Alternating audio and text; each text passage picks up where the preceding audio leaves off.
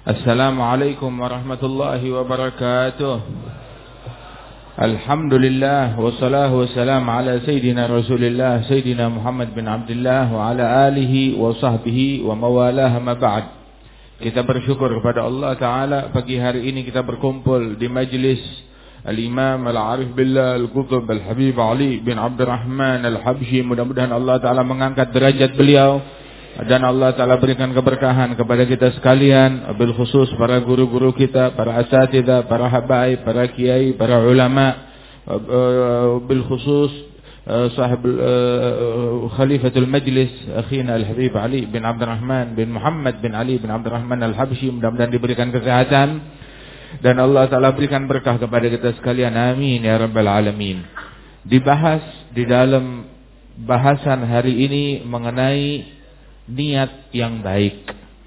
Rasulullah sallallahu alaihi wasallam beliau ketika mengajarkan kepada kita untuk ibadat, untuk amalan, beribadat, pengabdian kepada Allah taala dan beliau menyebutkan bahwasanya di antara amalan-amalan tersebut innamal amal binniyah.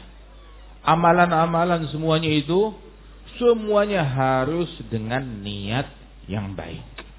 Kalau niatnya nggak baik, maka rusak daripada amalan-amalan tersebut. Dan yang didapat oleh setiap orang, yang didapat oleh setiap orang bukan e, sesuai dengan apa yang dia lakukan, tapi yang menentukan keuntungan orang itu adalah niatnya.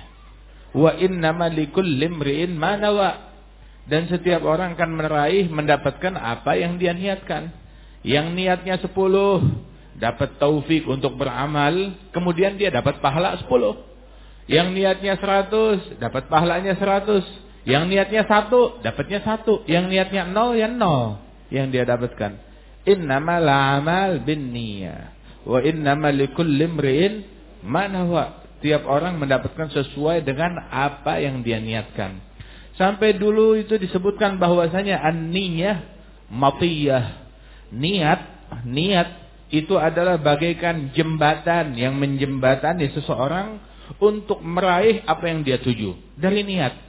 Kalau niatnya benar semua benar, makanya Ibn Ruslan Sahib Zubad di awal di awal daripada kitab beliau beliau bilang fasahihin niyata qabla al-amali wa ati biha magrunatan bil awwali fa in tadum hatta balagta akhirah huzta thawaban kamilan fil akhirah wa niyatun wal qawlu thumma al amalu bi ghairi wifqi sunnatin la tuqbalu perbaiki niat kita benerin niat bagusin niat periksa niat kita sebelum kita beramal.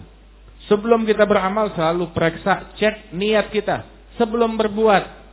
Kemudian uh, niat yang baik tersebut selalu kita koreksi, selalu kita perhatikan, selalu kita pantau sampai akhir daripada amalan itu selesai. Begitu amalannya selesai baru. Tetapi dari awal persiapkan niat yang baik dan selama proses perbuatan eh, begitu intadum hatta balagta akhirah selalu pantau niat tersebut jangan sampai melenceng niatnya di dalam perbuatan. Sebab kalau niatnya sudah melenceng rusak habis dan hangus. Al-Habib Alawi bin Abdullah bin Syihabuddin dahulu beliau mengatakan bahwasanya kana salaf yurabbun auladahum ala niyyah misal ma yurabbunahum fi suratil Fatihah. Para salafus saleh mendidik anak cucu murid mereka di dalam memperbaiki niat, diajarkan niat, dididik perkara niat seperti uh, seorang guru mendidik mengajarkan anaknya cara baca Fatihah yang benar. Dididik niat tuh bertahun-tahun memperbaiki niat mereka. Sehingga kalau ada anaknya mau pergi keluar, mau pergi ke madrasah atau mau pergi ke mana, itu sang ayah atau ibu mengatakan nanti kalau kamu ketemu dengan orang di jalan, ya keluarga atau orang yang kamu kenal, ya kamu beri salam. Ketemu orang siapa pun kamu beri salam. Kemudian kamu salaman kepada orang tersebut Lihat di jalanan ada batu atau ada duri atau ada gangguan, singkirkan dari jalanan. Lihat pintu masjid terbuka, rapetin pintu masjid. Jadi tidak ada hewan yang masuk. begitu. Lihat ada sampah pungut, begitu.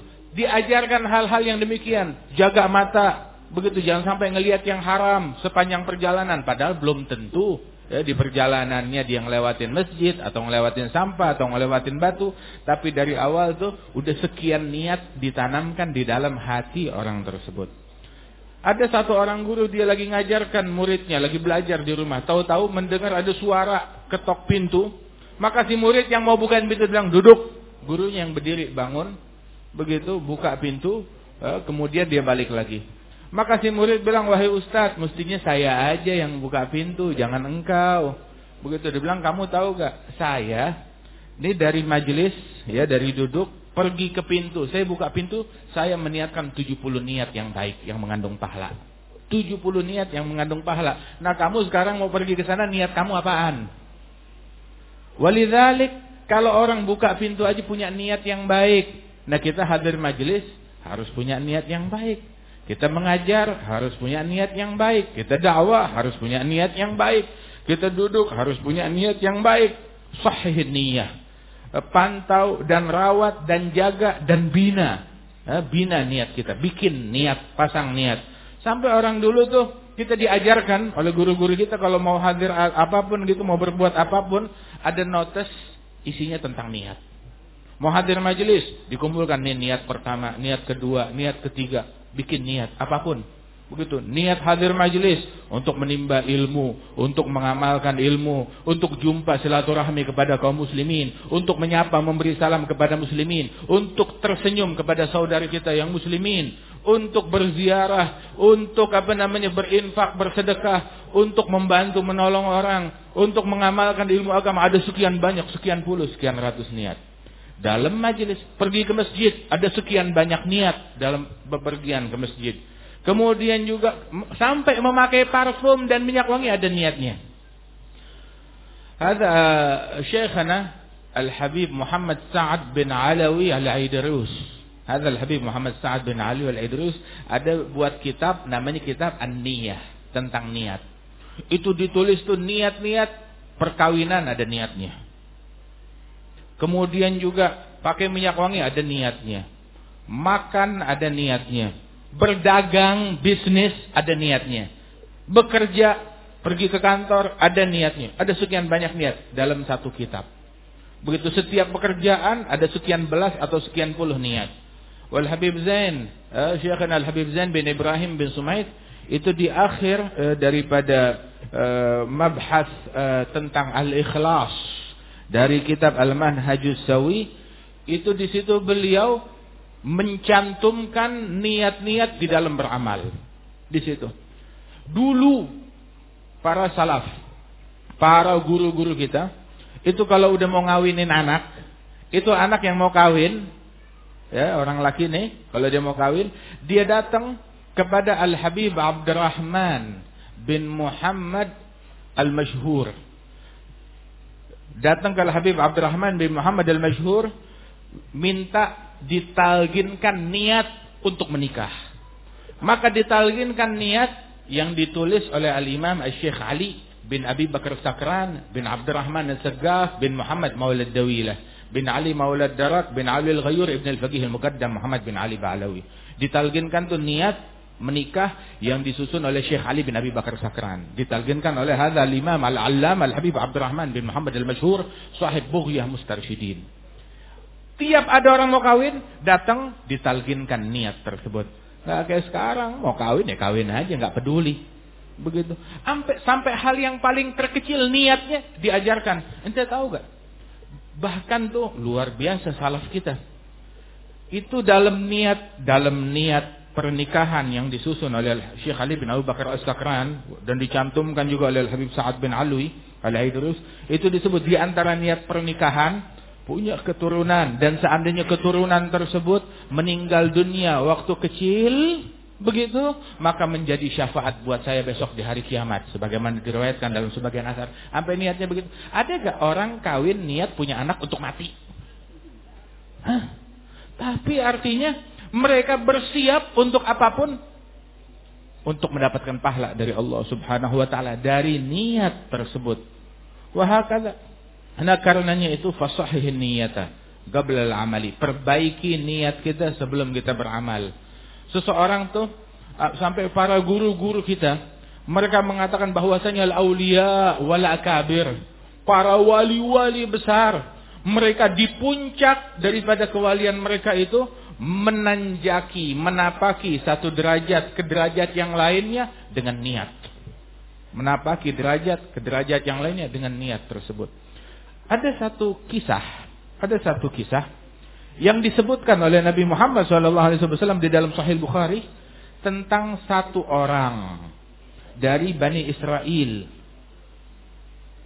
Ketika orang ini sedang melakukan perjalanan, tahu-tahu melewati sebuah kampung yang dilanda kemarau panjang, paceklik, kesulitan pangan.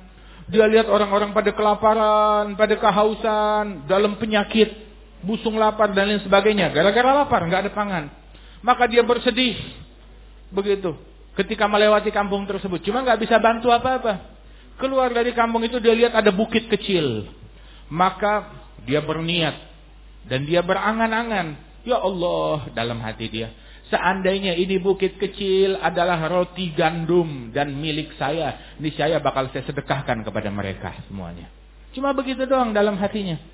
Maka dia lanjut perjalanan. Tahu-tahu pas baru lanjut perjalanan di tengah jalan dihadang oleh seseorang Ternyata orang yang menghadang dia adalah nabi di zaman tersebut. Nabi itu berkata, saya diutus ya oleh Allah taala buat ngasih tahu ke kamu kalau sedekah kamu sudah diterima oleh Allah taala. Sedekah apaan? Enggak tahu, katanya ada ente sedekah gunung yang terbuat dari roti gandum. roti gandum sebesar gunung, begitu engkau sedekahkan kepada satu kampung, nah itu dia, udah diterima, dicatat pahalanya oleh Allah Subhanahu wa taala. Orang sekarang hataman niat aja pelit. Coba bilang, ente kalau sekarang ada dapat hadiah duit ya 2 miliar, ane minta satu miliar boleh gak? Long jangan satu miliar beb, begitu. Ya udah 500 juta, banyak banget beb. Ini baru menghayal aja pelit. Baru menghayal aja pelit, apalagi kalau beneran. Begitu. Wah kata perbaiki niat kita, perbagus niat kita. Begitu kan Al Habib Ahmad bin Hasan Al Attas itu beliau bilang kepada kita dalam kitab Tazkirun Nas. Itu beliau bilang orang tuh ketika masuk waktu isyraq atau masuk waktu duha, maka hendaknya tatkala dia sholat tuh isyraq, dia niatkan sholat sunnah isyraq. Sekaligus juga sholat hajat biar dijaga dari maksiat. Sekaligus juga niatin uh, sholat istikharah untuk harian sekaligus juga diniatkan tuh dengan sholat uh, al-isyraq tersebut berapa banyak dalam satu amalan sekian banyak pahala. Begitu juga kita masuk masjid kita ambil wudhu mau gue beli az-zuhur niatin sekalian sholat sunnah wudhu plus sholat sunnah uh, tahiyatul masjid plus sholat sunnah gue beli az-zuhur atau duha tergantung waktunya. Biar di dalam sekali waktu ada sekian banyak amalan ditulis oleh Allah Subhanahu wa taala. Mudah-mudahan Allah taala terima amalan kita dan Allah taala berikan ridha-Nya kepada kita sekalian dan Allah taala anugerahkan keridhaannya kepada kita. Amin ya rabbal alamin. Allah majal jamana hadza jaman marhuma. تفرقنا من بعده تفرقا معصوما ولا تجعل فينا ولا منا ولا معنا شيئا ولا محروما Alhamdulillah ini hari kita beruntung kita kedatangan tamu cucu dari seorang ulama besar هذا الحبيب محمد بن حسن بن عبد الرحمن بن عبيد الله السقاف هذا الحبيب عبد الرحمن bin Ubaidillah Segaf adalah seorang ulama besar, seorang wali besar, seorang ulama besar. Ada putra beliau Al Habib Gaidan yang dimakamkan di Surabaya. Seorang masya Allah uh, ahli adab, seorang yang penyair, ahli bahasa, seorang ulama juga radhiyallahu anhum ajma'in. Mudah-mudahan Allah taala berikan kepada kita sekalian dengan berkat mereka. Amin ya rabbal alamin. Sallallahu alaihi wa alamin. Assalamualaikum warahmatullahi wabarakatuh.